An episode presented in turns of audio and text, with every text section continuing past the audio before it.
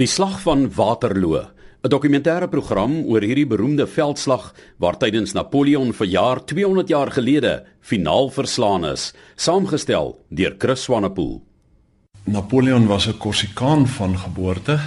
Professor Abel Esterhuise van die Stellenbosse Kruiskunde fakulteit. En natuurlik was Korsika deur deel van die Franse ryk op daardie stadium. En soos dit maar met die families uit die aristokrasie was van daardie tyd, het die seun wat nie die titel geërf het en die aristokratiese proses voorgesit het nie of weermag toe gegaan of in die kerk ingegaan. En Napoleon is uiteraard in die Franse leer opgeneem. En Napoleon was grootliks verantwoordelik vir die feit dat Europa sedert die uitbreek van die Franse revolusionêre oorlog tot en met sy verbanning na Sint Helena en na die slag van Waterloo feitelik konstant in 'n toestand van oorlog was. Ja, dit is 'n geval dat hierdie man net sy eie wêreldryk opgebou, baie ambisieus en baie energiek en baie gevaarlik. Historikus en skrywer Dr. Dan Slay van die Franse revolusie in 1789 was daar onophoudelike oorlog in Wes-Europa. Hy's 'n enigma. Dit is baie moeilik om presies te sê wie of wat hy was. En dis natuurlik deel van wat hom so 'n legende gemaak het. Judy van der Walt, joernalis en fotograaf.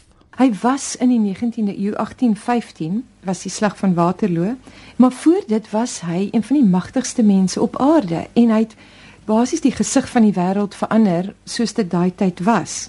Daar was 'n amateur geskiedkundige wat heeltemal anti-Napoleon was en gesê nee, hy was net 'n mal despoot en jy weet dit soveel mense se lewens gekos wat natuurlik waar is duisende en duisende soldate wat in al hierdie veldslae omgekom het.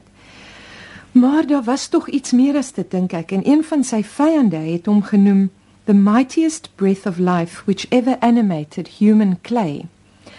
Ek het die gevoel gehad hy was nie een van daai twee dinge nie. Hy was nie 'n mal despoot nie en hy was ook nie wat sy vyand gesê het nie.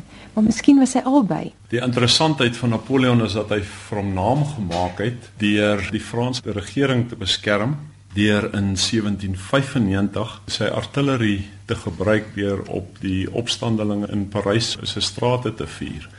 En dis hoe hulle van Napoleon kennis geneem het. Hy is daarna as 26 jarige leeftyd as generaal van die Franse leer in Italië aangestel. En sy Italiaanse veldtog het vir hom bekendheid in Europa gebring. 1798 was hy as hoof van die Franse veldtog in Egipte waar hy daardie provinsie van die Ottomaanse ryk verower het met die slag van die piramide. Die interessantheid is dat tot vandag toe word dit gesien as die begin van die totstandkoming van moderne Egiptologie as wetenskap as gevolg van die ontdekkings wat hy daar gemaak het en dit wat hy teruggebring het Parys toe. Deur 'n staatsgreep het sy ondersteuners hom as sogenaamde eerste konsul aangestel in 1799. Sy oorwinning oor die Oostenrykers tydens die slag van Marengo in 1800 het hom as politieke leier gevestig en hom uiteindelik tot die keiser van die Franse ryk laat verklaar in 1804 en toe Napoleon op die toneel kom en die hele saak van 'n vryheidsstryd vir sy eie persoonlike ambisies kaap en homself later keiser van die Napoleontiese ryk kroon.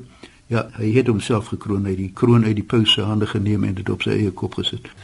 Hy was Franse keiser vanaf 1804 tot en met sy abdikasie in 1814.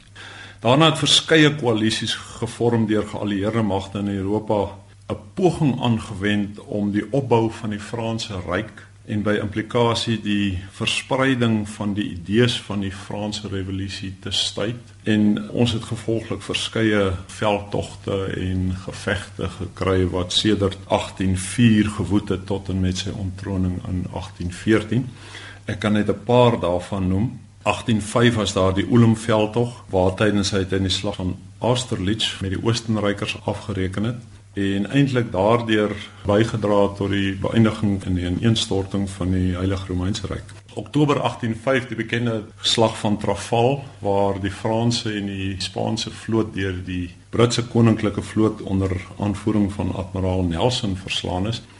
Dan in 1806 verslaan hy die Pruisiese leer by die gevegte rondom Jena Auerstadt wat die 4de koalisie was 1807 die Russiese leer tydens die slag van Friedland. Die tydperk na 1807 tot en met sy betrokkeheid by die sogenaamde Peninsular War in Spanje word amper as die hoogtepunt van Napoleon se heerskappy gesien. 1809 verslaan hy weer eens die Oostenrykers, die 5de koalisie in die slag van Wagram. En dan in 1812 die bekende inval van Napoleon in Rusland in 'n poging om met die Russe af te reken oor die bestaan van die Poolse staat waaroor hulle 'n verskil gehad het.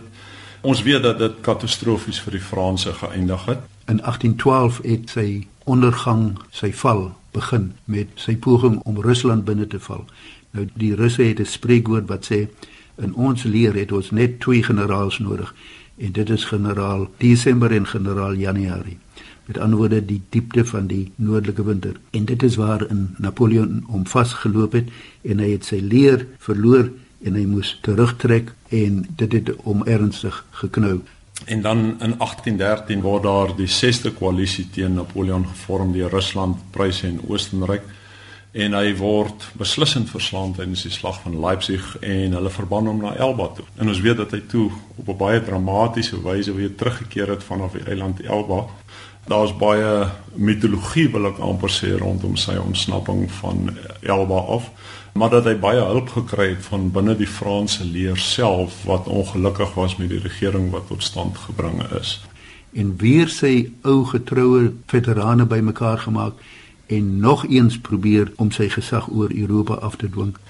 In 1815 weer geregeer het tot met die slag van Waterloo in Junie 1815 Maar nou het die sewende koalisie ontstaan. Die sewende koalisie wat deur Rusland, Oostenryk, Pruise en Brittanje gevorm is om finaal met Napoleon af te reken. En daar was Holland, Hannover, Brunswick en ook Nassau. Prins Willem, die seun van koning Willem 1ste, was die gesagvoerder oor die alliansie. Maar ander beroemde leiers was Wellington, Blücher, wat werklik die grootste deel van die leer bygedra het en die grootste bydra tot die gevegte gemaak het. Dit was Prins Willem wat ook die terrein uitgesoek het en Blücher het na die tyd gesê dat die Hollandse generaals 'n uitstekende plek gekies om teenstand te bied. Die Hollanders was betrokke, maar ons moet onthou die Hollanders was 'n baie neutrale ek wil amper sê Switsers-agtige staat gewees op daardie stadium maar hulle het weliswaar as deel van die Britse magte aan die konflik deelgeneem en aan die slag deelgeneem van Waterloo. Napoleon se groot uitdaging was natuurlik om te poog om die vier weermagte wat deur die koalisie teen hom gestuur is, die van Rusland, Oostenryk, Pruise en Brittanje uitmekaar uit te hou en te voorkom dat hulle as eenheid teen hom optree. En daarom wou hy so vinnig as moontlik met die Britte afreken met die pryse en met die Oostenrykers voordat hy dan met die Russe wat uiteraard 'n uh, langer tyd sou nodig hê om te mobiliseer en teen hom op te tree. En daarom steek Napoleon die grens oor na wat vandag deel is van België. Op daardie stadium was dit deel van die koninkryk van die Nederlande. 15 km suid van Brussel het die Engelse magte die eerste keer met die Franse kontak gemaak.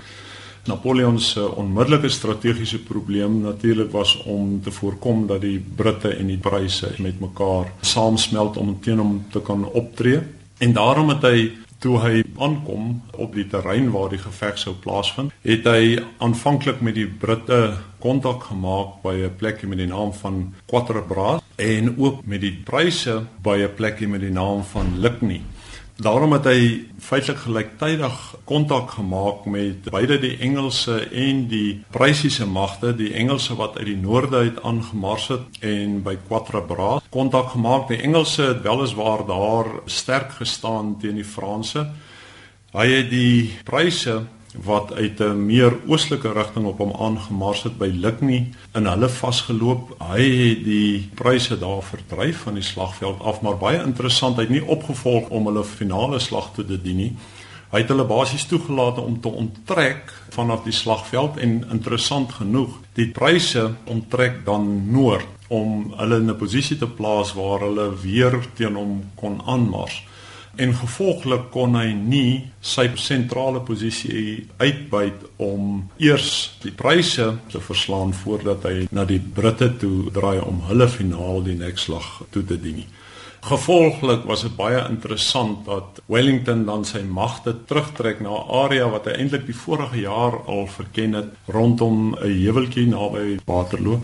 En uh, eintlik die hele geveg dan op 'n defensiewe manier veg dat die Franse die heel dag offensief aangeval teen die Britte en dat die finale sukses van die slag eintlik gekom het toe die pryse vanuit die ooste weer die Franse flank begin oprol het en toe het gesamentlike offensiewe aksie van die pryse en die Britse leer die Napoleontiese magte verslaan by Waterloo.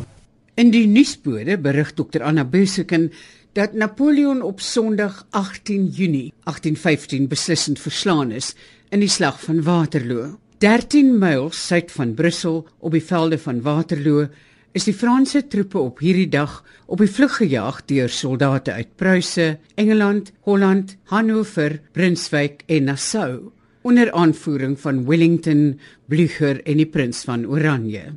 Blücher het Wellington na afloop van die stryd omhels en Wellington het gesê dat hy 'n slag nog nooit so naalskraap gewen het nie. Die geweld van die aanval van 70000 Franse troepe was volgens Wellington onbeskryflik. En as Blücher nie teen die einde van die dag op die toneel verskyn het nie, het Wellington gesê sou dit hy en nie Napoleon gewees het wat die slagveld moes ontruim nie. Duisende en nogmaals duisende soldate het volgens Wellington dood en gewond op die slagveld gelê en in die skemer op die aand van die slag van Waterloo het oorblyfsels van die Franse leers teruggevlug na Frankryk agtervolg deur Blücher se soldate. 'n Vreemde ding is dat waar slagveld toerisme Miskien was dit meer morbide in daardie tyd as wat dit nou is. Maar slagveld toerisme het net die volgende dag begin toe die eerste koets vol toeskouers of besoekers aangekom het om te kyk waar dit gebeur het. Die idee wat by die leek bestaan dat dit Wellington was wat vir Napoleon finaal verslaan het, is nie heeltemal waar nie. Hierdie ander alliansievennote het eintlik 'n baie groot rol gespeel. Ek dink die oos kan Wellington se bydra afmaak of minder maak as die ander nie. Hy het 'n baie groot aandeel gehad in die oorwinning. Dit is net dat hy miskien meer publisiteit geëis het as wat hy verdien. Ek onthou dat in die museum van Londen is daar nou 'n baie mooi uitstalling oor die slag van Waterloo en daar word al die leers deur modelsoldaatjies verteenwoordig, een klein soldaatjie vir elke 1000 man of so. Maar Wellington het die modelbouer in Britse luitenant gesê hier is glad te veel pryse op hierdie model van jou en hy het sy hande ingesteek en die helfte van die pryse van die panorama afgevee en die Britse pers het Wellington gedurig voorgehou as die held van Waterloo. Sy bydrae was briljant en baie groot en baie Britse bloed het daar gevloei, maar hy was nie die enigste nie. Ek dink dat Blücher het hom tot 'n mate aan die einde van die stryd gered uit die situasie. Napoleon het op 17 Oktober 1815 as banneling op die eiland Sint Helena aangekom.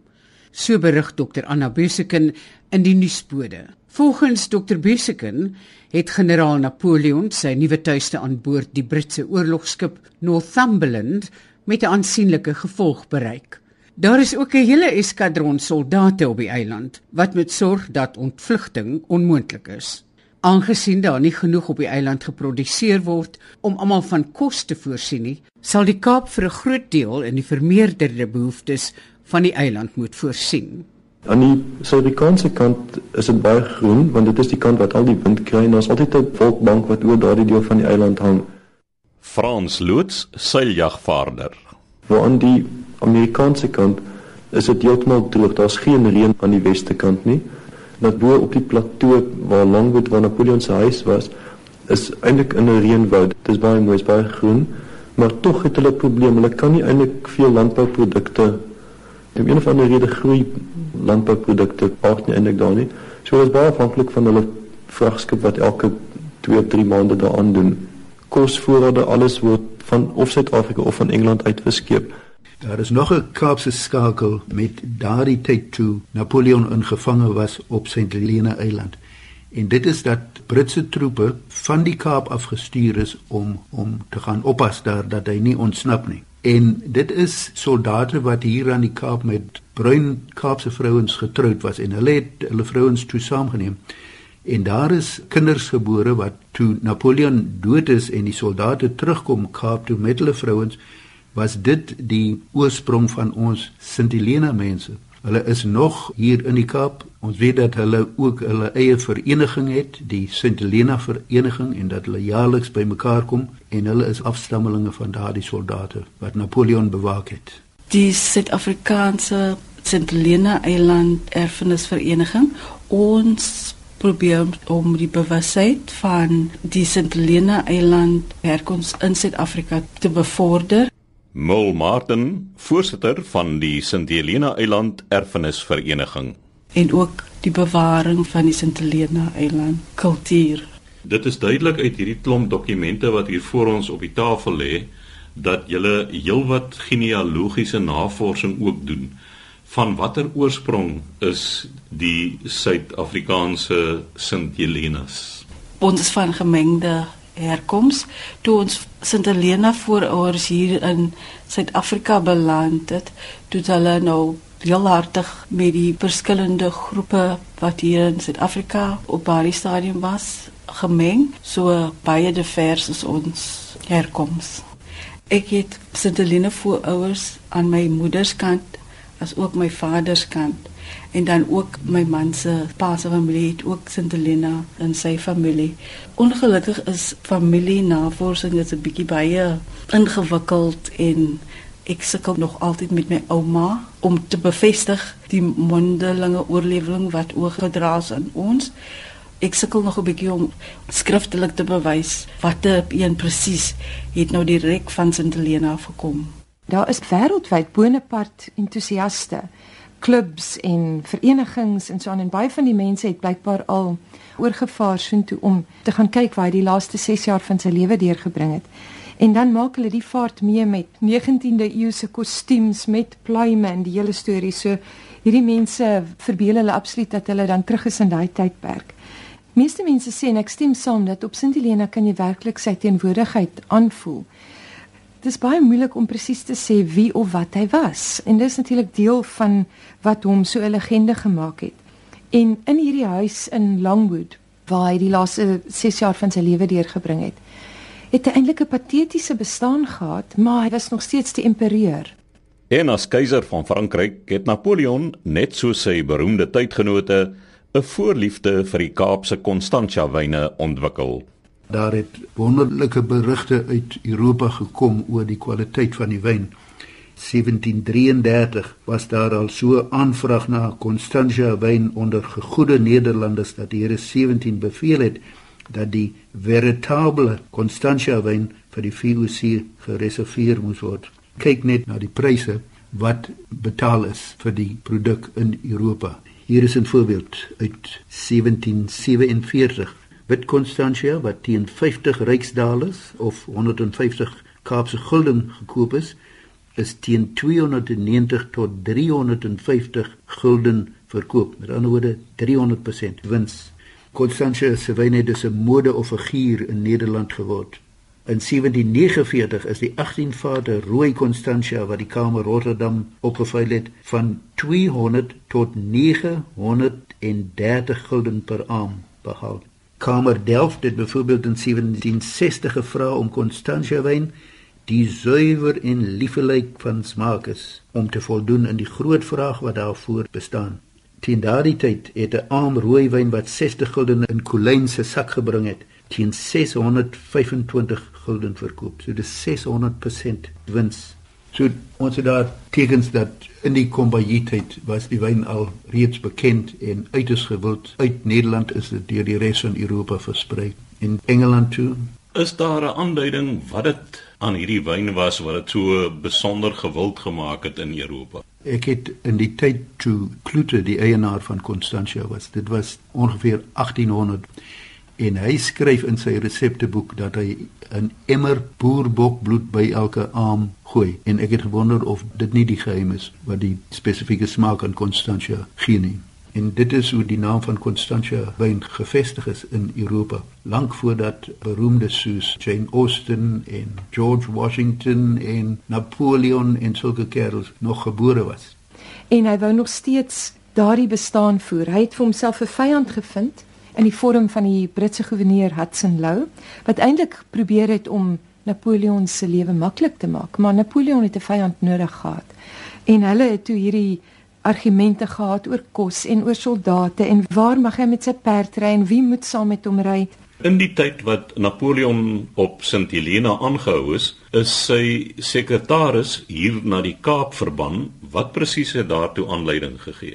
Die sekretaris was die burggraaf de la Cases en hy het probeer om 'n brief uit te smokkel uit St Helena Europa toe om te kla oor die manier waarop Napoleon behandel is.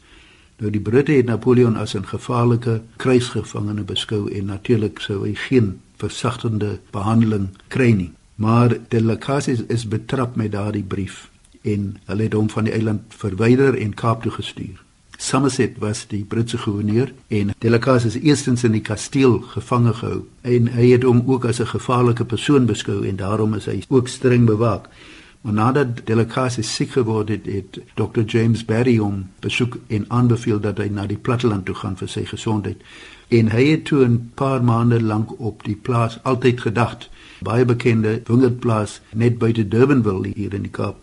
En daar het Delacasse en sy seun gebly toe die nuus kom dat Napoleon oorlede is, is sy sekretaris toegelaat om terug te keer Europa toe en hy het sy wedervarings te boek gestel.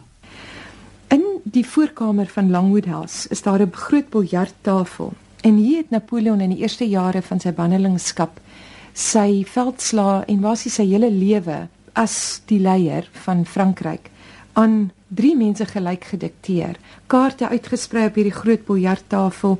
Jy kan net sy figuur soort van in jou verbeelding oproep hoe hy om hierdie tafel stap en gelyk aan drie mense dikteer en sê hier het ons dit gedoen en daar het ons dat gedoen. Hy wou baie graag seker maak dat hierdie rekords korrek opgeneem is. Maar dan ook soos ek gesê die patetiese sy. Hulle het klomp soldate om die huis gepos omdat hulle natuurlik nie wou hê hy moet ontsnap nie. En toe het hy besluit wel Hy gaan nie toelaat dat hulle op hom spioneer nie. Hy gaan eerder op hulle spioneer. Die luike altyd dig toegehou sodat die lig in die huis altyd hierdie soort van skemergrys was. En wat dit nou nog is, hulle behou dit net so sodat jy daardie gevoel kry. Die eetkamer is klein en beknop en onthou hy het 'n hele taamlike groot entourage gehad van sy veldkornette en generaals en so aan mense wat saam met hom gekom het en natuurlik sy persoonlike bediendes. En in hierdie eetkamer het hulle natuurlik altyd 'n vuur gehad want dit was so koud en die huis is op een van die koudste plekke op die eiland gebou. Maar blykbaar het die aandete altyd baie vinnig omgegaan want die mense daar ingegaan almal moes natuurlik opdres vir die geleentheid totaal formeel asof dit nog die imperieur se paleis was. Sy badkamer, hy was verskriklik lief vir bad. En daar's hierdie groot diep koperbad waarin hy blykbaar vir ure en ure gelê het want soos ons natuurlik vandag weet, hy het maagkanker gehad wat 'n baie pynlike vorm van kanker is. En dit het hom bietjie beter laat voel om vir ure en ure in hierdie warm water te lê. Terwyl ek op die eiland was, het ek 'n biografie van hom gelees waarin daar 'n foto was van Napoleon se badkamer in die imperieur se paleis in Frankryk. En die kontras was net vir my so roerend geweest. Hierdie diep koperbad in vergelyking met sy pragt en praal goud en marmer badkamer wat hy in sy paleis gehad het. In die leefvertrek waar Napoleon dood is, is sy bed wat hy op die oorlogsveld gebruik het wat soos 'n kampbed is wat ons ken. En ek dink dis deel waar die legende vandaan kom dat hy so kort was want die kampbed is baie kort. Wel die interessante ding is dat eintlik was hy blykbaar nie so kort nie. Hy was in die ou terme omtrent 5 voet 6 wat nou nie reusagtig is nie, maar dis ook nou nie so kort nie. So sy lengte het so 'n bietjie verkort oor die jare, soos die mite nou maar geskep is. En toe hy nou op sy sterfbed is, toe hulle Napoleon daar in die leefvertrek laat lê, natuurlik sodat die entourage by hom kon wees en die dokter en so aan. En daar seker donkergroen sy gordyne, swaar gordyne wat voor die kampet hang. En daar het Napoleon sy laaste asem uitgeblaas en daar's 'n koperplaatjie wat aandui die presiese datum. Napoleon oorlede. Kaap verloor goeie mark. So lui die opskrif van 'n berig van Dr Anna Böseken in die nuusbode waarin sy bekend maak dat generaal Bonaparte, soos hy op die eiland Sint Helena genoem word, op 5 Mei 1821 op 51 jarige leeftyd aan kanker oorlede is. In sy testament het hy die wens uitgespreek dat sy stoffelike oorskot aan die Sen moet rus, te midde van die Franse volk wat hy liefgehad het. Daar is egter besluit dat hy op die eiland begrawe sal word. Napoleon het 5 jaar en 7 maande op die eiland gewoon. Daarna was die begrafnisoptog na Geranium Vallei waar hom toe begrawe het en hulle het sy kus op 'n perdekoets gesit en die hele prosesie is gelei deur die laaste skimmelings wat Napoleon op Sint Helena gery het. Natuurlik Napoleon lê nie meer daar nie. Hy is in 1840 is sy oorskot teruggeneem na Parys. Maar die mense maak seker dat hierdie soos hulle dit noem the tomb baie mooi versorg is met pragtige bome en voelgesang en blomme en dit is waar die mense gewoonlik baie emosioneel voel oor Napoleon. En die woorde wat Napoleon gesê het, het by my opgekom. I sense the infinite in myself. 'n Paar jaar later is die liggaam uitgehaal en Parys toegeneem waar hy 'n heldegraf gekry het. Dit is 'n graf van 'n rooierige steen en dit is 'n sarkofaag hoogs versierd en dit is 'n gewilde toeriste besoekplek. Napoleon is natuurlik hoogs geëerd onder die Franse. Hy word as 'n groot nasionale held beskou. Die betekenis van die slag van Waterloo is dat dit rus gebring het na 'n Europa, Wes-Europa wat eintlik siek was van oorlog. En nou was Europa eindelik ontslaaf van hom en daarna is die kongres van Wene gehou, Wene in Oostenryk. Die kongresstelsel wat deur die sogenaamde Quadruple Alliance, die state wat die sewende alliansie teen Napoleon uitgemaak het, het 'n kongresstelsel geskep. Hulle het later vir Frankryk deelgemaak van die kongresstelsel. Die kongresstelsel het geen strukture gehad nie, maar dit het al die groot state van Europa die geleentheid gegee om die kongres byeen te roep as hulle dit nodig sou geag het. Daar is baie goeie besluite geneem wat tot 'n lang en duursame vrede gelei het, maar daar's ook ander besluite geneem sodat Nederland en België saamgevoeg sou word onder die Nederlandse kroon en dit het weer direk tot 'n burgeroorlog gelei. België moes wegkom van Nederland af, hulle was nie dieselfde nasie nie. Ja, dit is ongelooflik eintlik om die slagveld self te gaan besoek. In die dorpie Waterloo kan jy letterlik die kerkie waar die hertog van Wellington gaan bid het die oggend voor die slag kan jy besoek. Die huis van waar hy bevel gevoer het is vandag nog daar. Hulle het dit net so bewaar soos hy dit daar aangetref het met die waans, die stoele, die bed waarop hy gaan rus het. En dan natuurlik by die slagveld self is daar monumente en daar's 'n baie goeie visuele uitbeelding van die slag van Waterloo maar jy kan baie min sien van die slagveld self omdat daar doeteenvoudig al soveel oorloë en landboupraktyke oor daardie deel van België is die afgelope 200 jaar. En die grootste monument vandag op die slagveld as jy die slagveld sou besoek is 'n heuwel, 'n kunsmatige heuwel wat opgewerp is met grond wat van die slagveld af aangedra is en bo op die heuwel staan die reuse leeu van Oranje ter ere van die prins van Oranje die Nederlandse kroonprins wat gewond is tydens die slag van Waterloo en wat later die koningskap van Nederland sou oorneem. Dit was Die Slag van Waterloo, 'n dokumentêre program saamgestel deur Chris Swanepoel.